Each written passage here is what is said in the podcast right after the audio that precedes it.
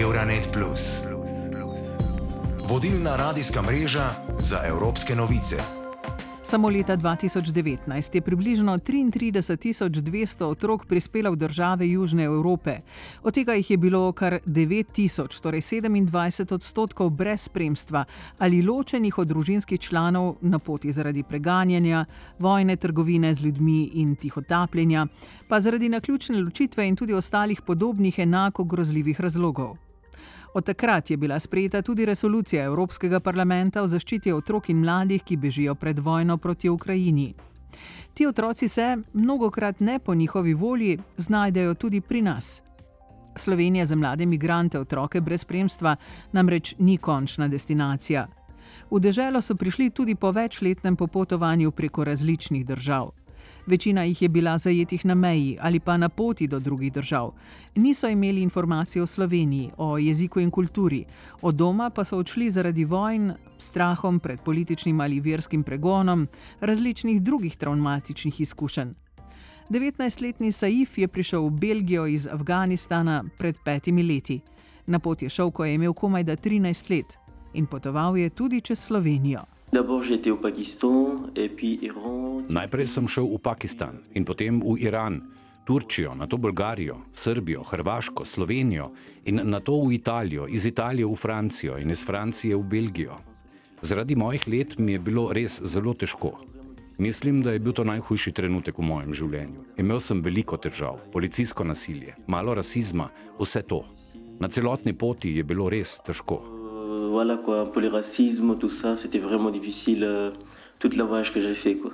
V Sloveniji za mlade imigrante brez spremstva skrbi nevladna organizacija Slovenska filantropija s programom Mladi imigranti. Skušajo jim nuditi čim več potrebnih informacij in jim zagotoviti zakonite zastopnike, ki jim pomagajo do rešitve pravnega statusa.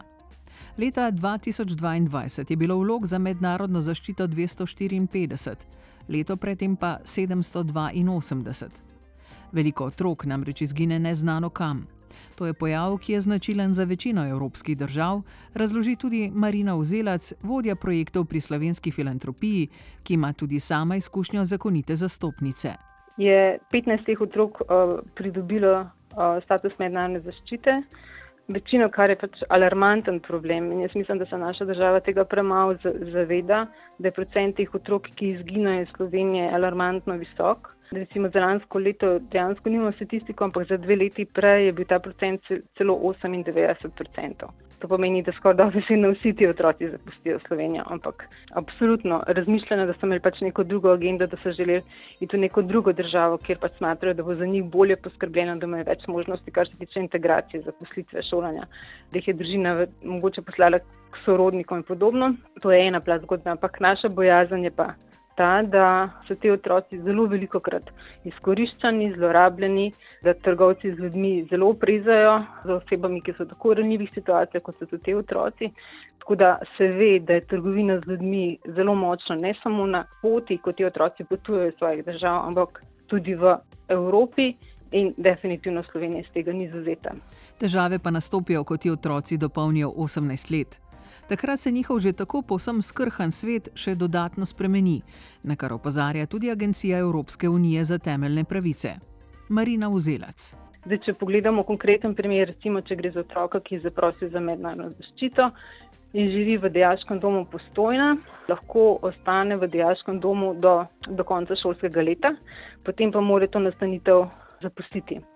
To pomeni, da so potem ti mladi ljudje, ne, so šele dopolnili 18 let, soočeni s tem, da zdaj v primeru, če bi šlo še zmeraj za prosilce, torej da bi še zmeraj postopku pridobivanja mednarodne zaščite, bi verjetno moral iti v azilni dom, ki so absolutno tudi neprimerne inštitucije. V primeru, pa če že ima status, bi moral iti v neko pač privatno stanitev. Ampak v primeru, ko pa ti otroci dejansko morajo zapustiti dialški dom in grejo neke privatne stanitve, ugotavljamo, da je to en zelo velik manjko in zelo velika luknja v Sloveniji, zato ker, ko gledamo dobre prakse drugih držav, um, so prišli do te točke, da se zavedajo, kako pomemben je ta prehod. In da enostavno ti ne moreš iz nekega sistema obravnave in neke podpore, ki jo nudiš pač tem mladim osebam, naenkrat reči, zdaj si pa sam. Med skrbniki mladoletnih migrantov je bila tudi naša sogovornica, ki tako najbolj slikovito opiše njihove težave. ko si prosilec, ne veš, da te bojo deportirali, če boš sploh dobil odgovor.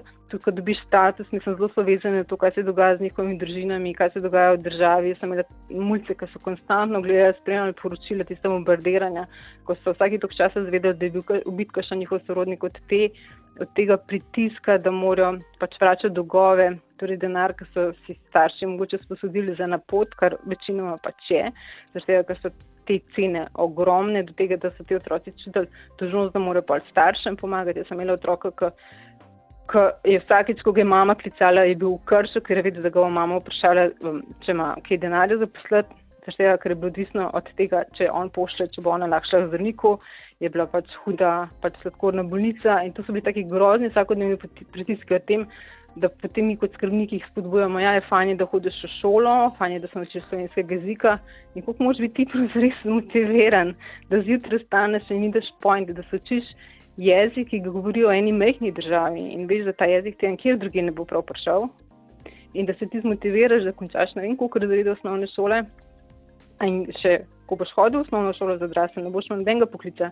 Če bi ti pa hotel hod, hoditi v srednjo šolo, da bi pa moral hoditi še ne vem koliko let v šolo, dejansko oni so pa že 15, 16 ali pa 14 let stari. Mislim, mene je uh, moj mladoletnik gledal in rekel, oprosti Marina, jaz nimam toliko časa, jaz si tega ne morem prvoščati, jaz moram iti jutr delati. In to sem zelo ob zgodbah, ki so jih doživeli, to pa sploh od raznih zlorab. To, to, sem zelo te raziskave, ko, ko ugotavljam, kaj se mi dejansko na poti dogaja. Zelo visok procent teh otrok je bil žrtev zlorab in skoriščanja in zelo veliko je spolnih zlorab. To so stvari, ki se jih mi absolutno niti približno ne zavedamo in v bistvu Slovenija s tem sistemom zaščite, ki ga ohranja, po mojem mnenju, na zelo nizkem nivoju, v bistvu dopušča, da nekako ti otroci stajajo v teh, teh situaciji potencialnega in dejanskega nasilja.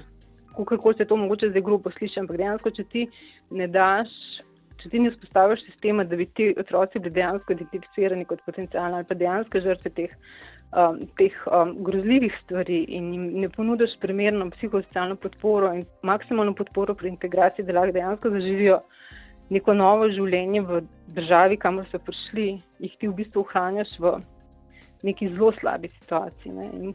Jaz mislim, da Slovenija, kar se tega tiče, še veliko za naresno. Smo še daleč od tega, kar bi ti otroci dejansko tudi po raznih konvencijah in evropskih direktivah morali uh, imeti. No? Kakšne pa so razmere drugot? Poglejmo v Romunijo, kjer se z mladoletnimi imigranti ukvarja organizacija JRS Romanija odkuder je tudi Aleksandra Civilaru. Există o nevoie stringentă, mai ales că vorbim despre copii și copii care au trecut prin evenimente traumatice. Iar... Ker govorimo o otrocih, ki so preživeli traumatične dogodke, je potreba po organizaciji individualnih svetovanj tem otrokom nujna. In to počne naša organizacija JRS Romunija. Svetovanja organiziramo za odrasle in tudi za otroke. Nudimo tudi skupinsko podporo najstnikom, ki je organizirana dvakrat na teden v regionalnem integracijskem centru Konstanta. Neverjetno je videti, kako so ljudje srečni, da imajo prostor, kjer se lahko družijo, pogovarjajo o traumatičnih situacijah, ki so jih preživeli in delijo svojo bolečino. Kaj si večina misli? Iz pogovorov, ki jih je bilo letos izjemno veliko, opazim nekakšno nostalgijo in upanje, to iskrico, ki se izraža skozi izjave, kot so: Vem, da se bom vrnil domov, ki se na to spremenijo v: Ostal bom tukaj v Romuniji in se bom tu preživljal. Dar încet, încet acesta se transforma in eu îmi voi face un rost aici în România. Na portugalskem pa so zelo dejavni zdravniki brez meja. Ti imajo tudi svoje ladje, s katerimi rešujejo imigrante v sredozemlju, kjer jih na težki poti mnogo umre. Generalni direktor te organizacije na portugalskem, Joao Antunješ, je zelo kritičen do voditeljev Evropske unije, ker ovirajo reševanje imigrantov v Sredozemskem morju, kar terja veliko žrtev. Resgatar vides humanas Reševanje človeških življenj ne more biti pod vprašanjem da ali ne. Vedno mora biti da. Potrebujemo več volje, da se odzovemo na to situacijo in ne samo, da ni politik, ampak obstaja izredni interes za oviranje in dodajanje ovir in celo kriminaliziranje organizacij in ljudi, ki se odločijo odzvati. Italijanske oblasti so zasegle plovilo Geo Barents, ki smo ga imeli v iskalnih in reševalnih akcijah v sredozemlju, z obtožbami, ki nimajo nobenega smisla. Está apreendido pelas autoridades italianas com alegações que, a nosso entender, não faz qualquer tipo de sentido. Poudarja, da je reševanje človeških življenj in integracija beguncev stvar vseh držav Evropske unije. Que não adianta ter eh, num país sim, no outro não, no outro mais ou menos. Nima smisla uporabljati nek ukrep v eni državi, v drugi pa ne. Sprejem in integracija migrantov je vprašanje, ki zadeva vse evropejce. Standardna migracijska politika se mora odzvati na dejansko stanje. Danes imamo eno najbolj smrtonosnih migracijskih poti, kjer ljudje tvegajo svoje življenja, da bi dosegli zatočišče in uveljavili svojo pravico do azila. Uh, ao asilo, a serem ref- refugiadas, etc, etc. Zato Agencija Evropske unije za temeljne pravice poziva države članice naj pospešijo azilne postopke, ki so absolutno predolgi, saj povprečno trajajo dve leti. Zmanjšajo birokracijo glede ponovne združitve družine, zagotovijo ustrezno nastanitev, izboljšajo zdravstveno varstvo na področju duševnega zdravja in izboljšajo izobraževanje. Saj morajo nekateri otroci čakati celo eno leto, da se lahko sploh vključijo v šoloobvezno izobraževanje. Euronet Plus za boljše razumevanje Evrope.